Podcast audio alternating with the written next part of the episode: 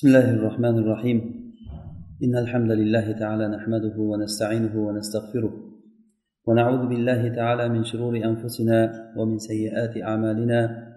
إنه من يهده الله فلا مضل له ومن يضلل فلا هادي له. ونشهد أن لا إله إلا الله وحده لا شريك له. ونشهد أن محمدا عبده ورسوله صلى الله عليه وعلى آله وصحابته. ومن اهتدى بهديه إلى يوم الدين.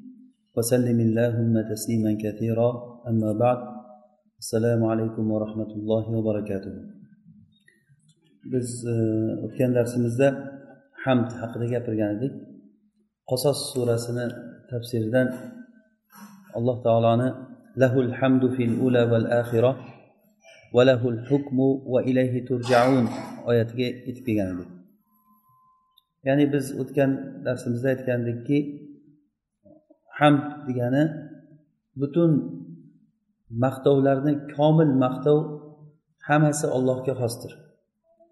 Bu hamd bilan madhni farqlarini aytdik va sanoni va shukurni farqlarini aytdik.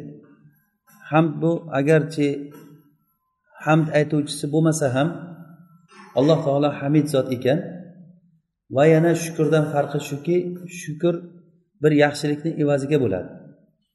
Masalan sizga bir kishi bir yaxshilik qilsa shu yaxshiligiga javob qilib turib unga bir maqtov aytsangiz shukur qilsangiz mana bu shukur deyiladi.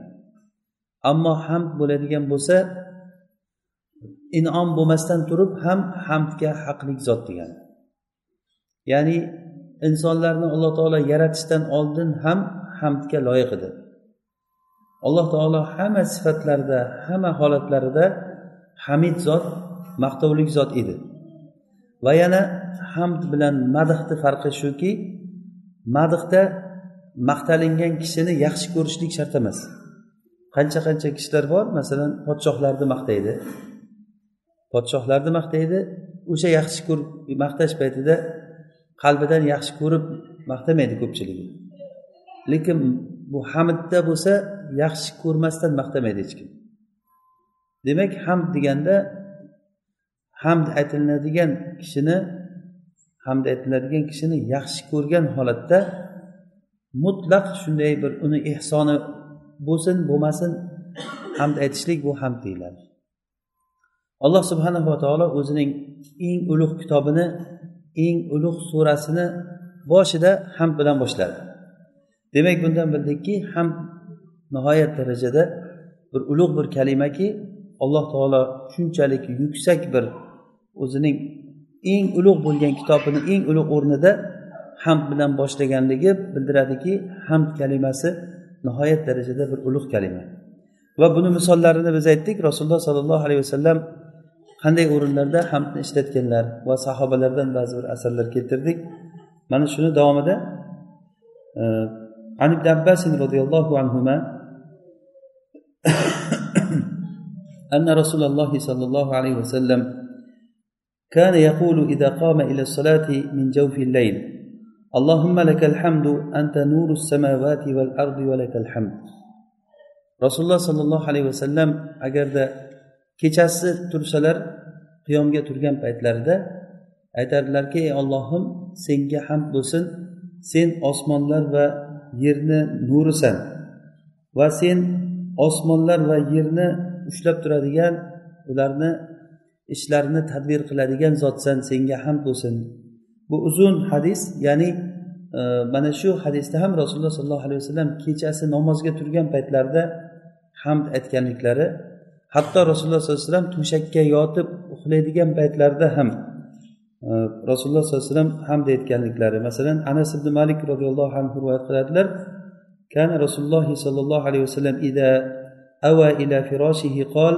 الحمد لله الذي أطعمنا وسقانا وكفانا وآوانا وآوانا ya'ni alloh taologa hamdlar bo'lsinki bizga taom berdi bizga ichadigan ichimliklarni suvlarni berdi va bizlarni e, kifoya qilib qo'ydi o'zi yetarli narsalarni berdi bu kifoyada uy joylar kiyadigan kiyimlar va boshqa boshqa masalan kasal kishilarga davolanadigan narsalar minadigan markablar hamma narsa Hozirgi mana shu o'tirgan majlisimiz ham alloh taoloni kifoya qilganligidan ya'ni olloh shunchalik imkon berganligidan xotirjam tinchgina e, tepadan bir narsa tushishidan qo'rqmaysiz yoki bir narsa bo'lib qolishidan qo'rqmasdan xotirjam o'tirishlik mana shu katta bir baxt. Kechqurun bo'lganda uyga kirib kishi to'shagida yotib e, uxlaydigan paytda mana shu xotirjamlikni sezadi. Agar xotirjamlik bo'lmaydigan bo'lsa uyqu ham bo'lmaydi o'zi. Qancha qancha odamlar bor ularda xotirjamlik yo'q. Mana shu hadis davomida rasul aytyaptilarki qancha qancha odamlar borki unga yetarli beradigan narsalari yo'q. Yetarli narsalari yo'q va ularga uy joy beradigan kishilar yo'q. Hozir mana ko'rib turibsizlar million million odamlar boshpana so'rab qayerlarda mana qishlarda qancha odamlar sovuqlarda qorlarda qolib ketdi. Mana bu holatlarni ko'rganda odam alloh taoloni ne'matini eslab alloh taologa hamd aytishi kerak. Rasululloh sollallohu alayhi vasallamni sunnatlari shu ekanki qarang uyqudan turganlarida ham hamd aytardilar uxlayotgan paytlarida ham va hatto kechasi o'sha tahajjudga turgan paytlarida ham allohimma anta nuru samavati val ard va lakal hamd va anta qayyimus samavati val ard va lakal hamd allohga hamd aytganlar. Imom muslim rivoyat qilgan hadisda abi malik al ashariy roziyallohu anhudan rasululloh sollallohu alayhi vasallam aytdilarki at tuhuru shatrul iymon ya'ni tahorat qilishlik poklik bu iymonni bir bo'lagi. Valhamdulillahi tamlaul mizan. Allohga hamd aytishlik mezonni to'ldiradi. Ya'ni biz hammamiz xohlaymizki mezonimiz to'lishligini. Qiyomat kuni borgan paytingizda amallar o'lchangan paytda shu tarozi og'ir kelishligini hamma xohlaydi. Demak bu narsani hozirgi kunda bizga katta eslatmaki e, nima to'ldiradi tarozini? Valhamdulillahi tamlaul mizan. Alhamdulillah deb qancha ko'p aytsak shuncha tarozimiz ko'p to'lib boraveradi. Va subhanallohi valhamdulillahi tamlaani ma bayna samavati val ard. Subhanalloh valhamdulillah kalimasi osmonlar va yerdagi o'rtalig'idagi narsalarni to'ldiradi. Ya'ni osmonlar va yerdagi narsalarni o'rtasidagi narsani to'ldiradi. Bu oddiygina bir kalima og'izdan chiqadigan oddiy kalima. Lekin biz hali inshaalloh buni davomida ham aytamiz kecha ham davom aytgan edikki bu zikrni bu kalimani faqat til bilan aytishlik emas maqsad. Maqsad buni hozir biz e, maydalab tushuntirganligimizdan ham sababi shu kalimadan maqsad nima o'zi? Alhamdulillah degan paytda sizni ichingizdan bir tushuncha kelsinki nima deyapman men? Odam mana shu narsaga o'rgangandan keyin sohibi ne'mat kim ekanligini odam his qiladi keyin. Sizga qanday bir yaxshilik kelsa ham o'sha paytda alhamdulillah desangiz bu ollohdan keldi degani bo'ladi. Shuni xohlaydi alloh taolo. Alloh taolo xohlaydiki banda shunday bir yeydigan narsani og'ziga ko'tarib yegan paytida ichadigan ichimlikni bir ichgan paytida alhamdulillah deyishligi mana shuni xohlaydi alloh taolo. Mana bu ibodat bu. Olloh shu uchun yaratdi insonni. Taomni yeydi hamd aytadi. Sharobni ichadi hamd aytadi. Kiyim kiyadi hamd aytadi. Umar ibn xattob roziyallohu anhu bir kishini ko'rib turib holing qanday? deganda alhamdulillah degan ekan mana shunday deyishliging uchun so'ragan edim sendan degan ya'ni alhamdulillah deyishliging uchun seni holing qanday? deb so'radim. Tili bilan alhamdulillah degani bilan. Lekin ko'pchilik odamlar ichi ichidan ollohni bergan qismatiga shukur qilmaydi. O'shanga rozi emas. Bu qadar bilan hamd aytishlik masalasi bir biriga chambarchas bog'liq. Shuning uchun ham alloh taolo e, bundan oldingi oyatda robbing o'zi xohlagan narsani o'zi yaratadi va o'zi ixtiyor qiladi. Xuddiki yaratishlikda ixtiyor ollohniki bo'lganday bunda hech bir tortishuvchi yo'q. Yaratishlikda ollohga hech qanday bir sherik bo'luvchi yo'q hamma tan oladi buni. Va xuddi shuningdek ixtiyor qilishlik ham ollohniki bir kishini jonini olsa nima uchun buni jonini oldi deb so'ragan odam ollohni ishiga teskari chiqqan odam hisoblanadi va dindan chiqadi odam. Nima uchun degan narsa bu nihoyat darajada nozik bir iymonni nozik joyi bir ibn javziy rivoyat qilib keltirgan bir sakson yosh kishini saksonga kirgan odam doim masjidda ibodat qilib yuradigan odam yaxshi ko'rgan nevarasi dunyodan o'tib qolgan ekan. Shunda u kishi juda qattiq ta'sirlanib aytib yurar ekanki allohga duo qilmanglar foydasi yo'q ekan. Alloh taolo bizni hech bir yaxshi ko'rgan odamimizni qoldirmay olib ketib qolyapti deb yurar ekan. Mana shu imomga bu xabar yetib kelganda aytganlar ana shu odamlar harf degani bir narsani chekkasiga borib ibodat qilgan ya'ni iymonni chekkasida turayotgan odamlar degani. Iymon bir faraz qiling bir maydon bo'lsa shu maydonni chegarasi nariyog'i kufr bo'lsa kufrni chegarasiga borib turib allohga ibodat qiladi. Agar bir degan narsa bo'lsa bir sakrab kufr tarafga o'tib oladi. Xuddiki alloh taolo aytgandek ala harfin. Odamlardan shunday kishilar borki o'sha eng chekkaga borib ibodat qiladi. Ala harfin fa in asobahu khayrun itma'anna bihi. Agarda unga yaxshilik yetsa yaxshi bo'laversa ishi xotirjam yuraveradi musulmonlar bilan. Va in asobathu fitnatun inqalaba ala vajhi agar bir fitna sinov kelsa agar orqaga qarab ketadi kufr tarafga qarab ketib qoladi. Xosirat dunya val axira mubin. U dunyosini ham yo'qotdi oxiratini ham yo'qotdi. Mana bu narsa haqiqiy yo'qotishlik deyapti alloh taolo. Husronul mubin. Bu haqiqiy yo'qotishlik. Hali inshaalloh biz darsimiz davomida g'ofir surasidan bir oyatni o'qiymiz. Inson haqiqiy yo'qotgan paytda juda qattiq afsusiydi o'zidan o'zi xafa bo'ladi odam. O'sha paytda inson o'zini yomon ko'rib ketadi. Ich ichidan yomon ko'radi inson o'zini yomon ko'radi. Menga umr berildi menga vaqt berildi imkon berildi. Nega qilmadim men? Eshitdim shuncha narsani ogohlantirishliklar bo'ldi. Nega men amal qilmadim? deb ich ichidan odam o'zini o'zi yomon ko'rar ekan.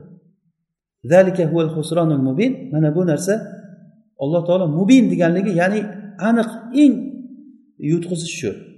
Dunyoyu oxiratini yo'qotdi odam. Shuning uchun mo'min kishi doim qalbida alloh taologa sohibi ne'mat ekanligini his qilish kerak odam. U tilingiz bilan aytishlik ikkinchi darajali narsa. Til to'xtamasdan alhamdulillah alhamdulillah deyavergan bilan. Til olloh olloh olloh olloh deyavergan bilan. Lekin insonni qalbida ta'sir qiluvchi narsa boshqa bo'lsa bu qalbda shirk bor degani. Olloh asrasin ko'pchilik kishilarni qalbida shirk bo'ladi. Ta'sir ollohdan boshqadan deb biladi. Yordam berishlikda ollohdan boshqa yordam beradi. Zarar yetkazishlikda ollohdan boshqalar zarar yetkazadi. Foydani ollohdan boshqalar barakani ollohdan boshqalar keltiradi degan narsa bo'ladi. Ammo mo'minlar bo'layotgan bo'lsa alloh taolo shu bizni haqiqiy mo'minlardan qilsin. Biz shuni ta'limini o'rganishligimiz kerakki hamma narsa ollohdan ollohdan boshqa hech qanday kishini ta'siri yo'q.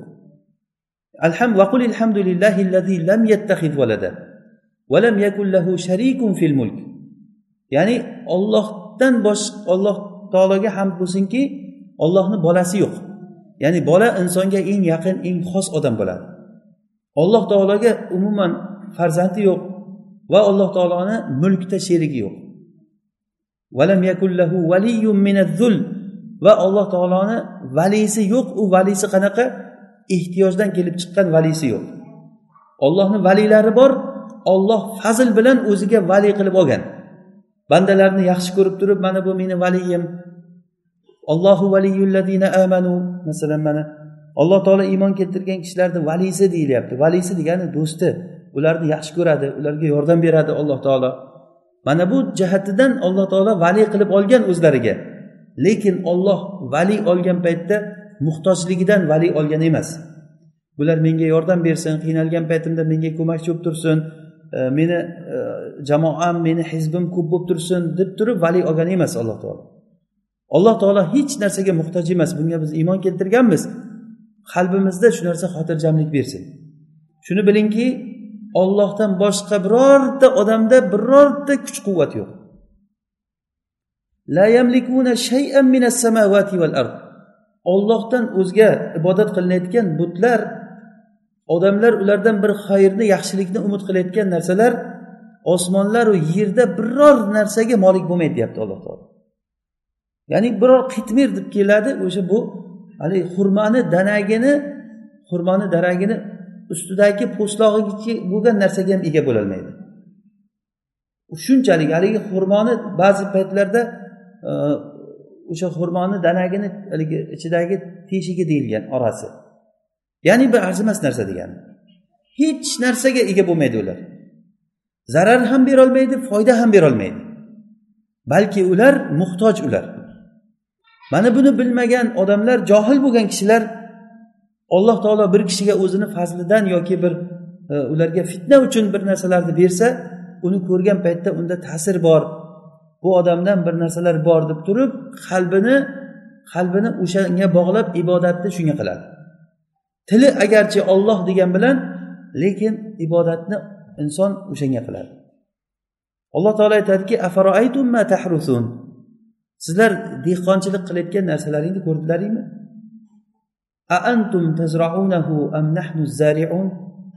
sizlar uni ekyapsizlarmi shu dehqonchilikni masalan qo'lingizga olib turib? Bir narsani bir ketmonni shu tuproqqa chopgan paytingizda bitta harakatni hisoblab ko'ring. Shunday ketmonni olib turib ko'tarib yerga urishni o'ylab ko'ring nechta narsa kerak odamga o'shanda. Ko'z kerak aql kerak qo'l kerak oyoq kerak quvvat kerak ilm kerak. Va hokazo bundan tashqari inson ichidagi qancha hujayralarni ishlashligi kerak million milliard xil bu yerda nima bosqich bo'lib o'tadi. Shuni kim qilyapti bu ishlarni? Olloh qilyapti bu narsani. Agar olloh xohlasa o'sha joyda qotib qolasiz hech narsa qilolmay qolasiz. Va boshqa odamlar ulardan yaxshilikni umid qilib yurgan odamlar ham xuddi shu jumladan buni misoli fir'avnni misolida alloh taolo buni ko'rsatib berdi. Men odamlarni robbisiman degan fir'avn o'ligini dengiz shunday odamlarni oldiga olib chiqib tashladi. Odamlar ko'rsin qiyomat kunigacha bu ibrat bo'lsin odamlarga. Odamlar ko'rsinki mana shu shuncha kibrlanib alloh taolo unga shuncha katta imkoniyat bergan odam nima bo'ldi ahvoli? Mana bu odamlarga shunday yotibdi degan keyin hadisni davomida rasululloh sollallohu alayhi vasallam aytadilarki va subhanallohi valhamdulillahi tamlaani ma bayna samavati val ard vassalatu nurun. Ya'ni namoz nur. Namoz nur deganligi rasululloh sollallohu alayhi vasallam agar bir ish muhim bo'lib qolsa namozga shoshilardilar. Va ashoblarga istixorani o'rgatganlar.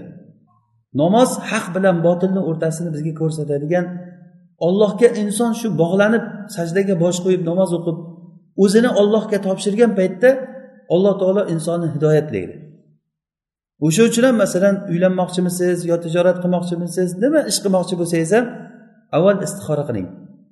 Rasululloh sollallohu alayhi vasallam ashoblariga istixorani o'rgatardilar. Istixorani xuddi qur'onni surasini o'rgatganday o'rgatardilar har bir ishlarda istixorani o'rgatardilar istixora qilib ollohdan so'rasa albatta alloh taolo insonni bir yaxshilikka qarab turib hidoyatlaydi. Shu jihatdan ham assolatu nur. Namoz bu nur insonlarga shunday bir hidoyatni ko'rsatadi. Chunki robbil alaminga bog'lanasiz. Vassabru diya ya'ni sabr bu ziyo sabr degani inson sabr qilsa agar hamma narsa yorishadi. Xuddiki e, masalan hozir zulmat bo'lib turgan paytda bir chiroq yonsa ziyo mana yorug' bo'ldi. Yorug' bo'lgandan keyin odam ko'radi nima ekan qanday ekan. Fitna paytida ham va boshqa narsalarda inson agar sabr qilib tursa ko'rib qoladi hamma narsani. Sabr qilib tursa shoshqaloq bo'lsa odam ko'rmay qoladi. Agar bir narsa boshlanganda bir fitna boshlansa agar odam shoshqaloqlik qilsa ko'rmaydi. Shuning uchun ko'p o'rinlarda bizga sabr kelib yurilgan. Inson o'zini havoyi nafsiga teskari kelib turib bir narsa bir ish bo'lsa havoyi nafsizga teskari bo'lsa ham agar ahli ilmlardan shuni so'rayin deb ahli ilmlarni gapiriga sabr qilib turishlik insonga ziyoni beradi ya'ni nur beradi u. O'sha odam ziyon ko'rmaydi. Xuddi aytilganday la xoba man istaxora va la nadima man istashara.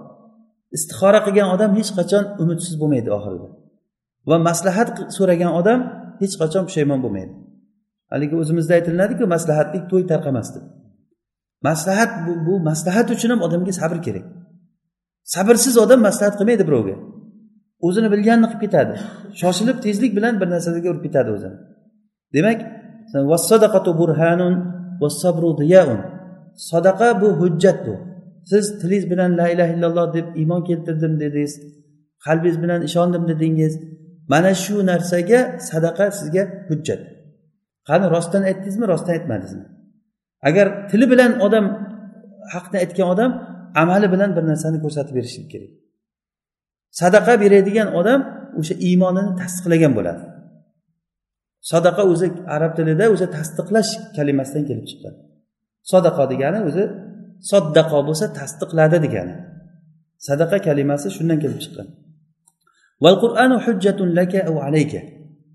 Qur'on yo senga hujjat foydangga yo ziyoningga hujjat.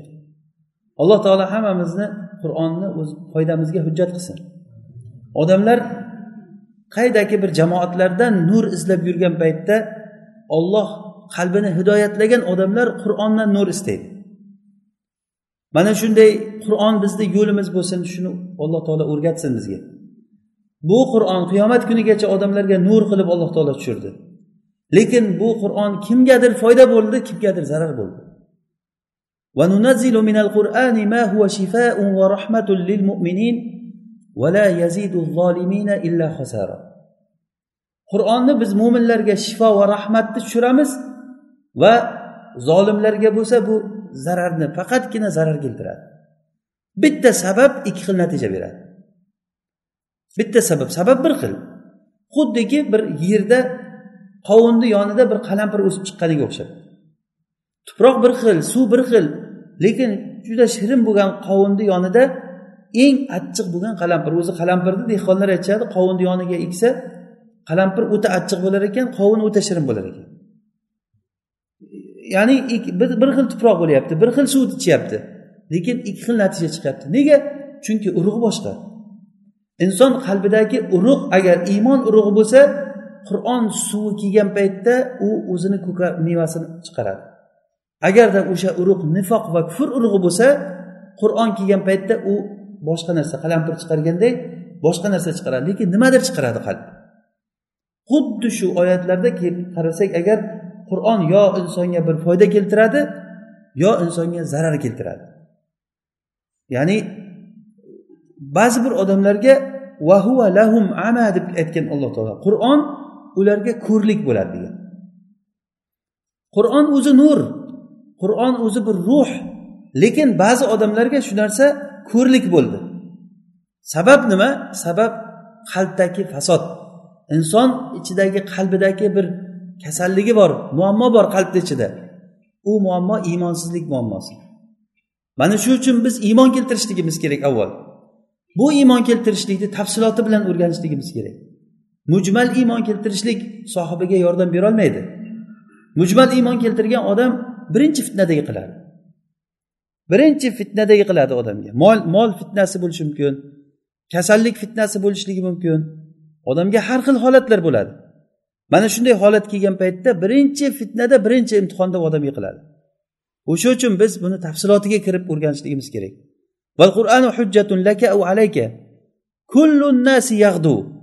Rasululloh aytdilarki hamma odamlar ertamidan turib turib bir harakatni boshlaydi.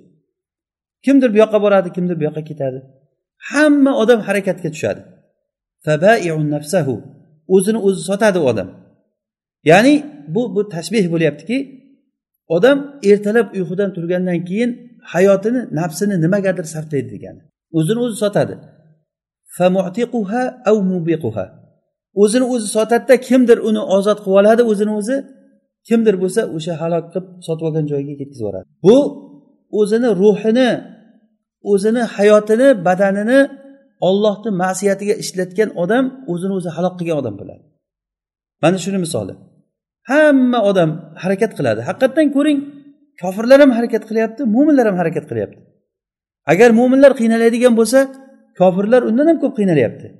In ta'lamun in takunu ta'lamuna fa innahum ya'lamuna kama ta'lamun va tarjuna minallohi ma la yarjun. Agarda sizlar qiynalayotgan bo'lsanglar ey mo'minlar kofirlar ham qiynalyapti munofiqlar ham qiynalyapti. Munofiqni mo'minday rohat qilib yashaganligini ko'rdingizmi? Munofiqqa judayam hayot qiyin.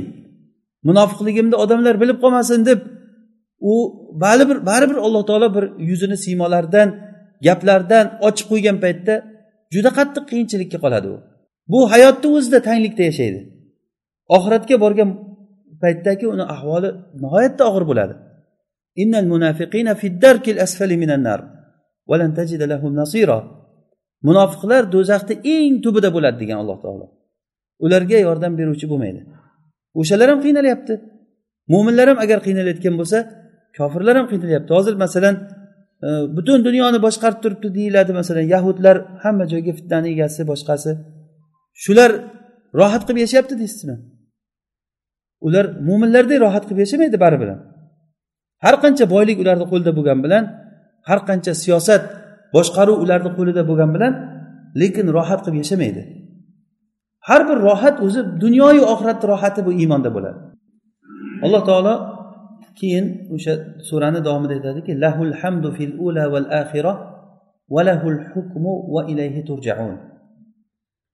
Ya'ni hamd buni tushundik. Dunyoda ham oxiratda ham allohga ekan butun kamolot sohibi olloh ekan. Ya'ni alloh taolo o'zi maqtalingan hamma sifatlarida sifatlari alloh taoloni sifatlari komil sifatlar. Ya'ni hamd aytilingan sifatlar. Birinchilaridan bo'lib turib alloh taolo o'zi alhamdulillahi robbil alaminda o'zini robbil alamin ekanligida mahmud ekanligini aytdi. Butun olamlarni tarbiyachisi yo'qdan bor qilgan va ularni ushlab turgan ya'ni tarbiya deganda xuddiki bir e, ekinni ekib tarbiya qilasizku. Mana bu ham tarbiyachi degani. Yoki bir hayvonni tug'ilgandan katta bo'lguncha tarbiya qilasiz. Mana bu tarbiyachi degani. Ala. Ya'ni biz tarbiyachi kalimasini tushuntirish uchun aytyapmiz. Bolangizni tarbiya qilasiz tug'ilgandan boshlab to katta bo'lguncha uni tarbiya qilasiz ham jismonan ham ma'nan. Agar jismonan tarbiya qilib turib ma'nan qaramasangiz u tarbiya bo'lmaydi. Faqat bolani semirtirish kattartirish emas maqsad. U ham aqli ham iymoni kattarsin ham uni jismoniy ulg'aysin.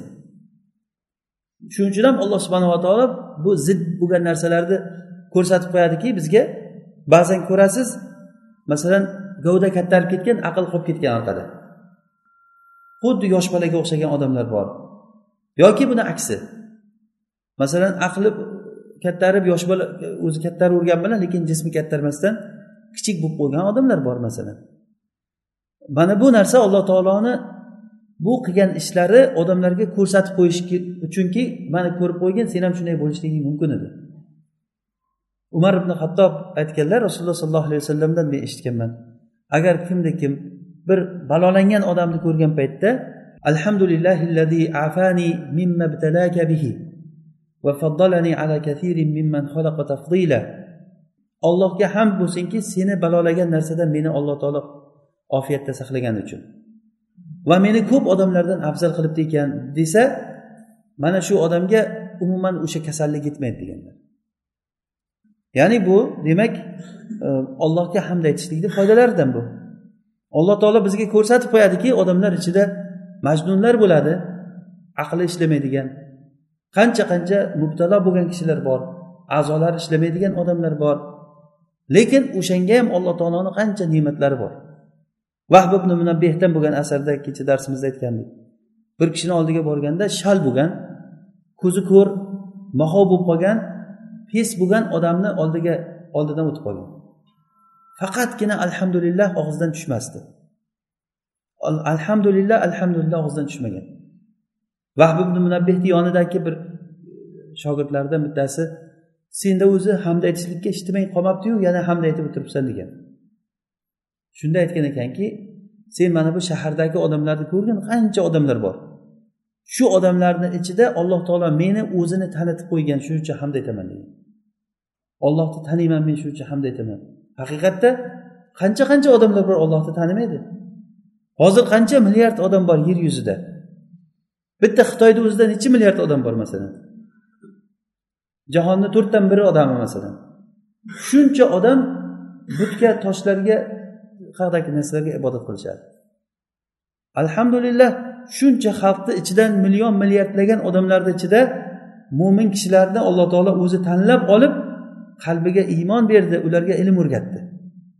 Payg'ambar yubordi va shu payg'ambardan foydalanishlikka imkon berdi. Mana bu narsaga biz hamd aytishligimiz kerak. Alloh taolo butun kamol sohibi alloh taolo. Demak hamdni hammasi ollohniki bo'lgani kabi hukm ham ollohniki mana bu joyda aksar aksar odamlar shu imtihonda aqidani mana shu tarafida yiqildi. Hukmni ollohga berishmadi. Odamlar alloh taoloni hukmini koinotlarda qilgan hukmlarini tan olishdi. Osmonlarni kim yaratadi desangiz olloh yaratadi. Yomg'irni kim yog'diradi desangiz olloh yog'diradi. Sizlarni kim yaratgan? Olloh kim rizq beryapti? Olloh kim o'ldiradi kim tiriltiradi? Savol beravering. Hamma odam javob beradi bunga. Olloh qiladi bu ishlarni kim endi hukm qilish kerak desangiz men hukm qilishligim kerak deydi yoki falonchi hukm qilish kerak deydi. Bu bir biriga hech to'g'ri kelmagan narsa. Biz masalan hamdni ma'nosini tushungan bo'ldik. Demak hamd aytishlikka maqtalinadigan odam yo'q. Hech kim maqtalinmaydi ollohdan boshqa. Xuddi shunday hukm qilishlikda ollohdan boshqa hukm qiluvchi yo'q. Alloh taolo aytdiki ala lahul xalqu val amr. Xalq yaratishlik ollohniki bunda hech kim sherik emasmi? Xuddi shunday buyurishda ham allohga hech kim sherik bo'lolmaydi. Olloh buyuradi quyoshga chiq deb buyuradi chiqadi. Botgin deb buyuradi quyosh botadi. Yomg'ir yoqqin deb buyuradi yomg'ir yog'adi. Agar qachon alloh taolo sizni joningizda agar qachon ol deb malakul mavtga buyruq bersa o'sha paytda malakul mavt kelib turib joningizni oladi. Hech kim bu narsada man qiluvchi odam bo'lmaydi. Ollohni oldida to'sqinlik qilolmaydi odam hech yerga qochib ham ketolmaydi. Ya'ni ollohdan qochib qayerga borasiz? Odam aqlini ishlatib ko'rsinki bu hayotga qayerdan kelib qoldik biz? Hozir hayotimiz shunday o'tib ketyapti. Orqaga qarang qancha narsalar o'tdi. Yana oldinda qancha narsangiz qoldi endi? Qancha yashashingiz mumkin yana? Olloh biladi bu narsani lekin aniq narsa shuki bir kun bizni umrimizni quyoshi botadi.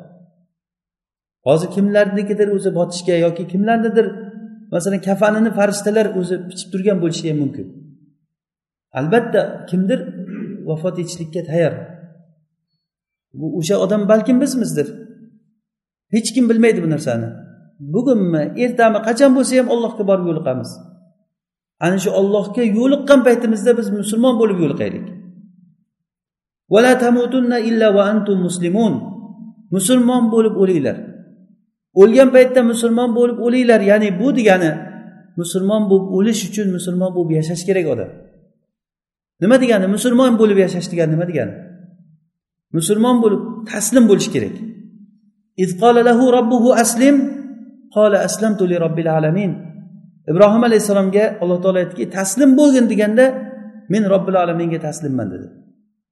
Butun hayotim butun meni hamma narsam ollohniki dedi. Shuni haqiqiy amaliy ko'rinishda ibrohim alayhissalom ko'rsatib berdilar. Va bizga mana shu narsani vasiyat qildi. Alloh taolo buyurdi ibrohimni millatiga ergashinglar. Ilayka an ittabi millata ibrohima hanifa. ibrohimni millatiga ergashing deb buyurdi alloh taolo. U mushriklardan emas edi. U kishi musulmon odam edi. Musulmon deganda taslim bo'lgan odam edi. Bu qanaqangi iymon bo'ladi qanaqangi islom bo'ladi? Alloh taoloni rizqini yesa hamma narsani qilsa namozni ham o'qib boshqa qilib yurgan odam ollohni hukmi kelgan paytda yo'q bu bo'lmaydi deb turib inkor qilsa qanaqa islom bo'ladi bu? Bu ko'p aksar odamlar mana shu joyda yiqilgan.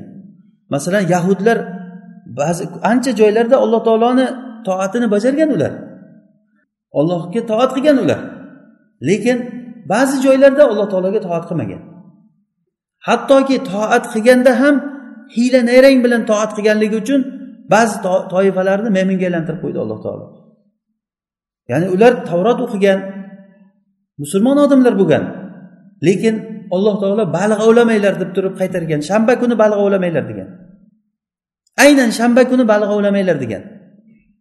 Va xuddi shu shanba kuni baliqlarga olloh vahiy qilganki baliqlar jamoat jamoat bo'lib kelib oldilariga kelib suvlardan sakraverar ekan.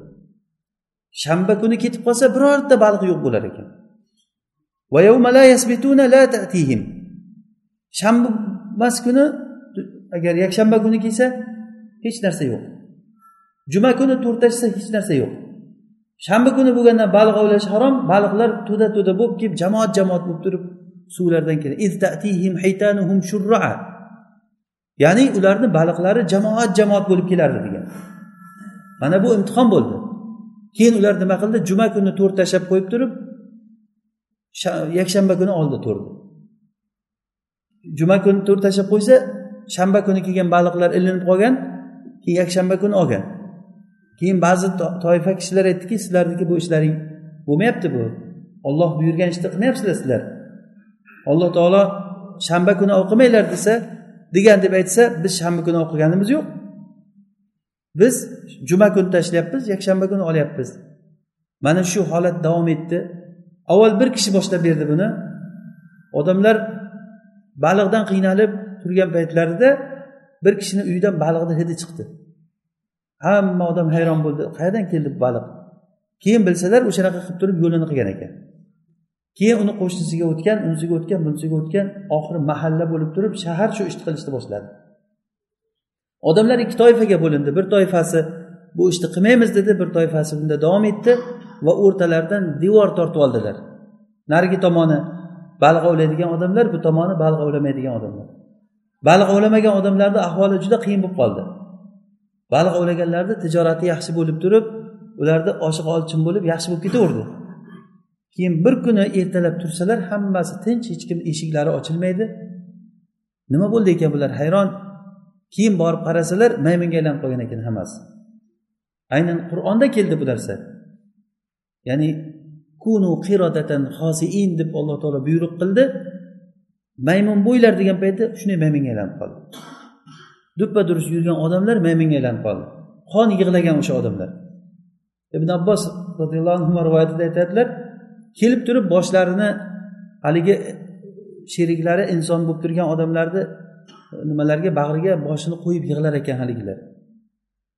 Kim ekan bu deb turib qarab o'tirar ekan lekin tanimas ekan bu qaysi odam bo'lgan ekan bu maymun deb. U maymun buni tanigan. Hatto ko'zlaridan yosh tugul qon oqib ketgan ekan. Mana shu holatda bo'lmaydi deb inson buni nima uchun aytyapti alloh taolo? Bu bo'lmaydi deb ayta olamizmi shuni masalan odamlarga? Bir ollohni buyrug'iga itoat qilmaganligi uchun bo'ldi bu narsa. Endi jamiyatdan ollohni hukmini olib tashlash bu qanday bo'ladi?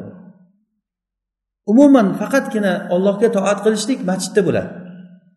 Masjiddan chiqqan joyda hayotga kirishdingizmi? Tamom u yerda ollohni hukmi bo'lmaydi degan ilmoniylarni bu dunyoqarashi kufrni rosi boshi bo'ladi bu narsa. Kim agar shularni e'tiqodi bilan e'tiqod qilsa shularni ishiga yordam bersa to'g'ri deb aytsa bu odam iymondan chiqadi. Uni nariyog'ida zarracha ham iymon qolmaydi. Alloh taoloni buyrug'ini qilmayman degan odam bilan alloh taoloni buyrug'ini qilmayman degan odam bilan qilmagan odam buni biz o'rtasini ajratishligimiz kerak bo'ladi. Ya'ni alloh taolo meni hukmim bilan ish qilinglar dedi. Er xotinchilik bo'ladimi nikoh taloq bo'ladimi vasiyat bo'ladimi nima bo'lsa ham. Ishimizda moliyaviy narsalarda kelishmovchilik bo'lib qoladimi hamma ishlarda ollohni hukmi hukm bo'lishi kerak bizga. Hech bir kishini haqqi yo'q mana shu yerda men hukm qilishlikka degan haqqi yo'q. Agar kim menda shu haq bor desa o'zini ollohga tenglashtirgan bo'ladi alloh taolo aytyaptiki lahul hukm hukm ollohniki degan. Ya'ni arab tilida ma'lum lahu kalimasini hukmdan oldinga o'tkazib aytganligi bu hasr va qasr va hasr deyiladi cheklash shundan boshqa narsa emas degani ya'ni hukm faqat ollohniki degani ollohdan boshqa hech kimni hukm qilishlikka haqqi yo'q bitta cho'pda ham hukm qilishlikka haqqi yo'q hech kimni. Chunki odamlar hammasi ollohni quli. Qullar faqatgina sayyidni buyrug'ini bajarish kerak. Agar kimda kim bundan chiqadigan bo'lsa qullikdan yo'q men bu narsadan bu e, davradan men chiqqanman desa demak bu iymondan chiqqan bo'ladi bizga shariat mana shu narsani o'rgatadi. Biz alloh taologa qulmiz hammamiz. Lekin qulligimiz robbil alaminga. Mana shu bilan faxrlanamiz. Eng maqomni ulug' bo'lgan o'rinlarda alloh taolo o'zining quli bo'lgan degan kalimani keltirgan. Masalan isroga rasululloh sollallohu alayhi vasallamni olib chiqqan paytida alloh taolo o'shanda aytadiki subhanallazi asro bi abdihi. O'zini qulini o'zini qulini isro qildirib kechasida sayr qildirgan zotni poklayman degan. Rasulullohni o'sha yerda asro nabiyahu demayapti ya'ni payg'ambarini olib chiqqan rasulullohni olib chiqdi muhammadni olib chiqdi demayapti demayaptida qulini olib chiqqan deyapti. Ya'ni abd kalimasini eng sharafli o'rinda ishlatgan alloh taolo. Biz ollohga qul bo'lishligimiz bilan peshonamizda eng insonni ulug' joyi bo'lgan peshonasini eng oyoq osti bo'lgan yerga qo'yishlik bilan faxrlanamiz shu bilan. Mana shu bilan biz mo'min bo'ldik. Mana shu bilan inshaalloh alloh taologa biz yo'liqamiz. Ammo kimda kim agar bu doiradan chiqaman desa yo'q men qullikni bajarmayman desa mana shu odam haqiqiy kofir odam bo'ladi.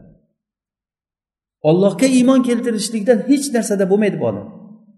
Hukm ollohniki ollohni o'zi hukm qiladi. Xuddiki koinotlarni qanday boshqarib turgan bo'lsa quyoshni chiqish botishini deysizmi kunduz zulumatni nurni yomg'ir yog'ish o'simliklarni ko'paytirishlik odam tug'ilishligi o'lishligi hamma hamma ishlarni olloh qilyaptimi? Aqli bor odamdan so'rang shu narsalarni kim qilyapti deb. Siz bir kishi bilan bir munozara qilganda so'rang atay so'rang shuni. Kim qilyapti shu ishlarni deb bitta bitta tafsiloti bilan so'rab chiqing. Hozir senga shuncha kuch quvvatni kim berib turibdi deb so'rang. O'zimdan o'zim qilyapman desa u dahriy bo'ladi u odam. Yo'q bu narsalarni aksar odamlar aqli bor odamlar buni tan oldi. Olloh beryapti deyapti. Menga rizqni olloh beryapti. Hamma ishimni olloh bajarib beryapti deydida lekin hukmga kelgan paytda ollohni buyrug'ini yo'q bu narsani olloh emas buni falon jamoat e, bajaradi yo faloncha toifa bajaradi deb turib ollohdan boshqaga hukmni olib beradi. Buni nariyog'ida iymondan bir zarracha ham yo'q. Ala lahul hukmu ala lahul xalqu val hukm. Ya'ni xalq bilan hukm ollohniki yoki lahul hamdu fil ula val axira va lahul hukmu va ilayhi turjaun. Sizlar alloh taologa qaytarilasizlar hammalaring. Hammamiz ollohni oldiga boramiz. Demak alloh taoloni hukmi ikki xil bo'ladi. Ollohni hukmi ikki xil bo'ladi. Birinchisi ollohni qadariy hukmi ikkinchisi ollohni shar'iy hukmi. Ollohni qadariy hukmi degani unda hech kimda ixtiyor yo'q hech kim bunga teskari chiqolmaydigan hukm deyiladi. Xuddi hozir aytganimizdek insonlarni yaratishlik o'ldirishlik tiriltirishlik o'simliklarni o'stirishlik koinotda bo'layotgan barcha barcha ishlar hammasi ollohni qadariy hukmi bilan bo'ladi. Quyoshga qarab alloh taolo chiqqin deb hukm qiladi quyosh chiqadi. Botgin deb hukm qiladi quyosh botadi. Yerni aylanishi deysizmi planetalarni sayr qilishligi deysizmi butun butun hamma narsa ollohni hukmi bilan bo'lyapti. Bunda hech kim bunda tortishishga haqqi yo'q va ikkinchi hukmi shar'iy hukm deyiladi. Shar'iy hukm bu ollohni shariati. Alloh taolo o'sha koinotni yaratgan u quyoshga chiqqin botgin deb buyurib turgan zot siz bilan bizga namoz o'qinglar deb buyurdi. Ro'za tutinglar ramazon oyida deb buyurdi. Zakotlaring bo'lsa zakot beringlar deb buyurdi. Hajga boringlar agar qodir bo'lsalaring e, sadaqa qilinglar rost gapiringlar bir birlaringga zulm qilmanglar o'g'irlik qilmanglar zino qilmanglar va hokazo va hokazo. Mana bu shariat. Mana shu shariatni bizga alloh taolo tushirdi. Bu shariat ollohni hukmi. Agarda kimda kim shu shariatdan bitta narsasini agar yo'q bu desa ollohni hukmiga teskari chiqqan bo'ladi. Ollohni hukmini qilmayman deyishlikdan ko'ra katta gunoh bo'lmaydi. Shayton mana shu bilan shayton bo'ldi. Bir og'iz gap bilan alloh taolo shaytonga aytdiki odamga sajda qilgin degandi men sajda qilmayman dedi. Bo'lmasa boshqa xizmat aytsa alloh taolo hammasini qilardi u. Hatto ba'zi isroiliyatlarda keladi farishtalarga dars bergan deb keladi shaytonni ya'ni ollohga yaqin bo'lgan muqarrab bo'lgan farishtalarni ichida bo'lgan u. ya'ni uni aslisi jinlardan bo'lganmi aslisi farishta bo'lganmi bunda xilof bor. Nima bo'lganda ham u ollohga yaqin bandalardan bo'lgan. Alloh taolo unga odamga sajda qilgin degandi qilmayman dedi. Mana shu bilan abadul abidin to abad peshonasiga unga tovuq la'natni osib qo'yildi. U shayton bo'ldi mal'un bo'ldi. Ollohni rahmatidan haydalindi. Shuncha katta ilmi bilan shuncha manzilati bilan ollohni yaqin joyida turgan joyidan jannatdan farishtalarni ichidan quvg'in qilib turib haydab shayton qilib malun qilib haydalindi. Nima uchun ollohni hukmini qilmayman deganligi uchun? Bu biz uchun katta bir dars bo'lmaydimi bu? Alloh taolo indamay qarab turyapti. Alloh taologa shu qilgan ishimiz yoqadi deb o'ylaysizlarmi hech? Ollohni buyrug'ini bajarmagan odamlar. Alloh taolo g'ofir surasida aytadiki innallazina kafaru yunadawna لمقت الله أكبر من مقتكم أنفسكم إذ تدعون إلى الإيمان فتكفرون ya'ni kofirlar do'zaxga kirib do'zaxda yonib turgan holatini alloh taolo hozir shuni tasvir aytib beryapti hikoya qilib do'zaxda yonib turgan paytida kofirlar o'zini o'zi yomon ko'rib ketar ekan shunchalik yomon ko'radiki o'zini men nega qilmadim ollohni buyrug'ini nima uchun men sog'lim aqlim bor edi biluvdim a shu narsani bilib turib nima uchun qilmadim deb inson o'z uz o'zidan xafa bo'lib ketadi. Bu insonni fitriy bo'lgan e, inson olloh yaratgan bir tabiati. Yomonlikni sababchisini inson yomon ko'radi.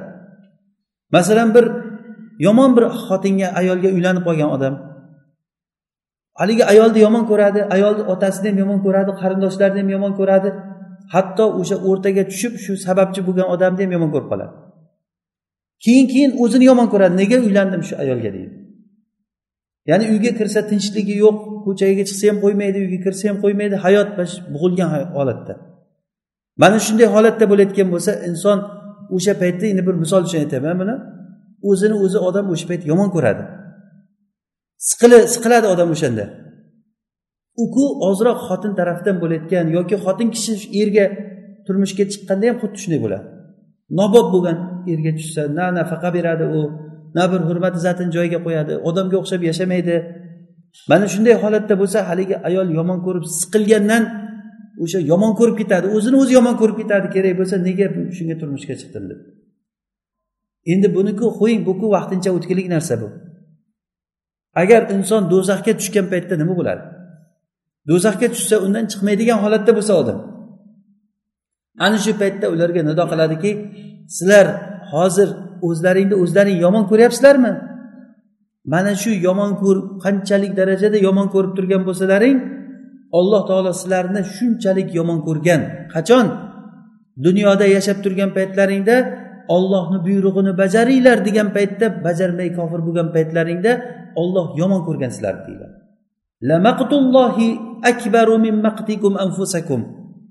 Maqt degani arab tilida ashaddul bug'uz degani ya'ni nafratni eng tubi tubi degani eng yomon ko'rishlik holati.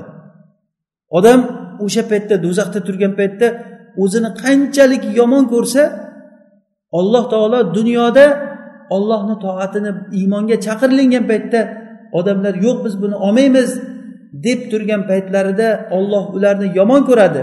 Ollohni bu yomon ko'rishligi kofirlarni o'zlarini o'zlari yomon ko'rib turgandan ham ko'ra kattaroq bo'ladi.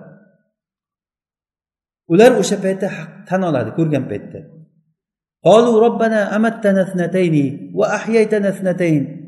Ey robbimiz bizni ikki marta o'ldirding ikki marta tiriltirding bizni. Fatarofna bizunubina fahal ila min sabil. Gunohlarimizni tan oldik tamom. Bizni shu chiqarishga bir yo'l bormi? Qanaqa yo'l bo'lsa ayt qilamiz degan. Qanaqa yo'l bo'lsa ayt qilamiz. Pul sarflash kerakmi? Pul yo'q endi. Yo bir shafoatchilar kerakmi? Kimdan borib so'rashligimiz kerak? Nima yo'li bor? O'zing aytgin deyapti allohga. Alloh taolo ularga yo'l aytmadi u kunda. Chunki o'zi u yerdan chiqishlikka yo'l ham yo'q o'zi. U oxirgi ularni kelgan e, joyi u. O'shanda alloh taolo ularni shu joyga tushib qolishligiga sabab bo'lgan narsani aytdi fal ila min sabil shu joydan chiqib ketishlikka yo'l bormi deb alloh taologa ular aytgan paytda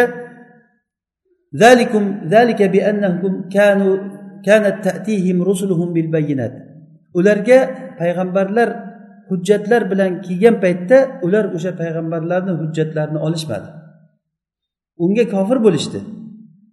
Xuddi shu hayotda hozir yashaydigan odamlar ollohni rizqini yeb alloh taolodan qancha yaxshilik odamga kelyapti?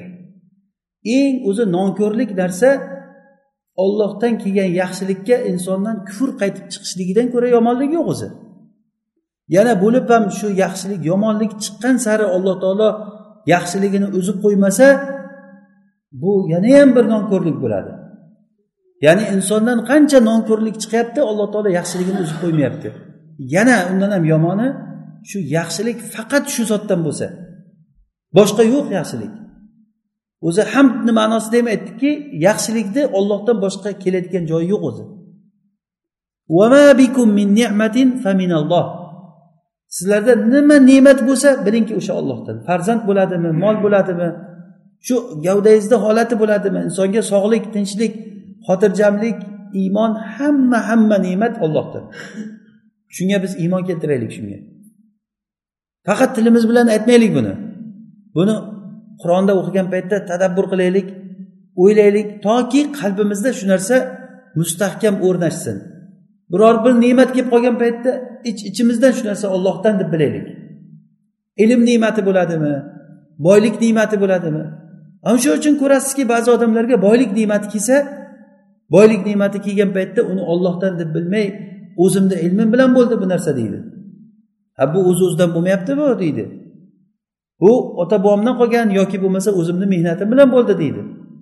Yoki ilm ozroq boshqa odamlardan ko'ra ko'proq narsani bilib qolsa mana bu odam uni faxrlanishligini ko'ring keyin. Demak bu narsa o'sha ollohdan ne'mat sohibi olloh ekanligini unutishlikdan bo'ladi. Vaholanki o'sha odam tili bilan aytishligi mumkin. Alhamdulillah qur'onni ham yodlab oldik mana alhamdulillah tafsirni bitirdik. Alhamdulillah sunnatni o'qib chiqdik. Deyish mumkin odam. Lekin bu alhamdulillah deb til bilan aytishlik bilan agar ne'matni sohibi olloh ekanligini inson yuragi bilan his qilmasa ne'matni ollohga qaytarmasa bunda foydasi yo'q u aytganini mana shu uchun biz bu narsani tafsiloti bilan o'rganishligimiz kerak. Ya'ni sizlar alloh taolo aytadiki sizlarga payg'ambarlar hujjatlar bilan bayinotlar bilan kelgan paytda sizlar ollohni hukmini olmadinglar ya'ni o'sha kunda qiyomat kunida hukm ollohniki bo'ladi. Fal hukmu lillahi aliyil kabir. Hukm aliyul kabir bo'lgan ollohniki bo'ladi. Hukm nima uchun ollohniki ya'ni biz bu narsani tafsiloti bilan bilishimiz kerak deb takror aytyapmiz. Mujmal holatda hukm ollohniki deb bilamiz. Lekin savol nima uchun olloh hukm ollohniki nima uchun? Chunki olloh hukm qilishlik ahli. Ollohdan boshqa hukm qilishlikka haqqi bor odam yo'q. Nima uchun? Chunki olloh yaratgan. Nima uchun? Chunki alloh taolo uni yo'qdan bor qilgan va uni tarbiya qilyapti va ertayu kech u muhtoj bo'layotgan hamma narsasini berib turibdi. Kerak bo'lsa o'shani yo'qotib yuboradi turgan joyida. Demak hukmni kim qilish kerak? O'z o'zidan lahul hukm. Hukm uniki bo'lishi kerak. Innalloha huval hakam. Alloh taolo u hakam. Hakamni ma'nosi nima degani? Hakam degani? Hakam degani huvallazi yastahiqqul hukm degani.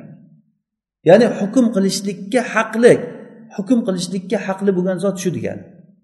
Shuning uchun ham ollohdan boshqani hakam deb bo'lmaydi. Ollohdan boshqani hakam demaslik kerak. Hakam u olloh hokim deyilinadi odamlarga u hokim deyilganligi ollohni hukmini ijro qiluvchi odam bo'lganligi uchun. Lekin hukm u ollohniki u boshliq bo'lsin kim bo'lishidan qat'iy nazar hukmni olloh taoloni hukmini olib turib mana shu narsani bajargan odam hokim deyiladi. Bu majoziy holatda aytilinadi. Lekin aslida o'sha hokim ham qiladigan hukmini qozi chiqaradigan hukmini muftiy beradigan patvosini kimni nomidan beradi? Robbil alaminni nomidan beradi. O'sha uchun ham ibn qayyim rahimaulloh kitoblarini alamul muvaqqiin ar robbil alamin robbil alamin tarafidan imzo qo'yuvchilar deb keltirgan. Ya'ni ulamolar ular. Ulamolar mana bu halol mana bu harom degan paytda go'yoki ular nima qilyapti? Imzo qo'yyapti. Halol deb imzo qo'yyapti. Kimni nomidan qo'yyapti? Robbil alamin tarafidan. shuning uchun fatvo beruvchi odamda juda katta mas'uliyat bor fatvo beruvchi odam o'zicha o'zi uni halol buni harom deb turib aytib yuboravermaslik kerak ولا تقولوا لما تصف ألسنتكم الكذب ألسنتكم الكذب هذا حلال وهذا حرام litaftaru alallohil kadib ya'ni sizlar tillaring nimani kelsa mana halol mana harom deb ollohni nomiga yolg'on to'qib turib fatvo beravermanglar ollohni nomiga fatvo berib yolg'on to'qigan odamlar hech qachon najot topmaydi deyilgan. Ular hech qachon najot topmaydi. Demak bu hukm ollohniki o'zi hukm qiladi. Alloh taolo nima uchun hukm qiladi? Chunki u ne'mat sohibi. Hozir hamd bilan hukmni o'rtasida nihoyat darajada katta bir bog'liqlik bor. Shuning uchun ham lahul hamdu fil ula val axira va lahul hukm ikkalasi oyatda bir joyda kelganligi ham hamd deganda agar butun ne'matni egasi u bo'layotgan bo'lsa hukm deganda ham demak boshqaruvchi ham o'zi bo'ladi degani alloh taolo o'zini hukmida mahmud bo'lgan zot. Hukm agar ikki xil bo'ladi dedik qadariy hukm va shar'iy hukm. Alloh taolo qadariy hukmida ham mahmud va shar'iy hukmlarda ham mahmud. Ollohni hukmlaridan hech bir hukmda kamchilik yo'q. Agar kimda kim ollohni hukmini mana shu joyi ozroq E, to'g'ri kelmaydi desa o'sha odam ulamolarni ijmosi bilan iymondan chiqadi. Bunda xilof qilgan odam yo'q. Agar mana shu ollohni hukmi shu to'g'ri kelmaydi bitta masalada. Bitta masalada agar boshqasini yuz foiz bajarsin. Mana shu ollohni hukmi to'g'ri kelmaydi desa alloh taoloni bir qancha oyatlariga kofir bo'ladi bu odam. Hukm ollohniki degan oyatga. Alloh taolo o'zi alim zot alloh taolo hakim zot olloh shariatini tuzgan paytda shariatini bizga bergan paytda hikmat bilan qo'yib qo'ydi. Nimani qiladigan bo'lsa o'ngga desa o'ngga yuramiz chapga desa chapga yuramiz. To'xta degan joyda to'xtaymiz. Mana bu narsa musulmon degani mo'min degani mana shu odam degani. Mo'min degani faqat masjidga kelib turib boshini ko'tarib tushiravergan odam degani emas bu. Bu hayotda yashagan paytingizda sizni holatingizni alloh taolo kuzatib boradi hammasini. Alloh taolo ko'zlarni xiyonatkor ko'zlarni alloh taolo biladi. Va qalblar yashirgan narsalarni olloh biladi. Ichingizda nima bor? Mo'minlarni ichiga kirib turib nimani o'ylab o'tiribsiz? Musulmonlar ichida yurgan odamlar nimani niyatida yuribdi uni? Sudur qalblarni ichidagi narsani olloh biladi. Alloh taolo xiyonatkor ko'zlarni biladi.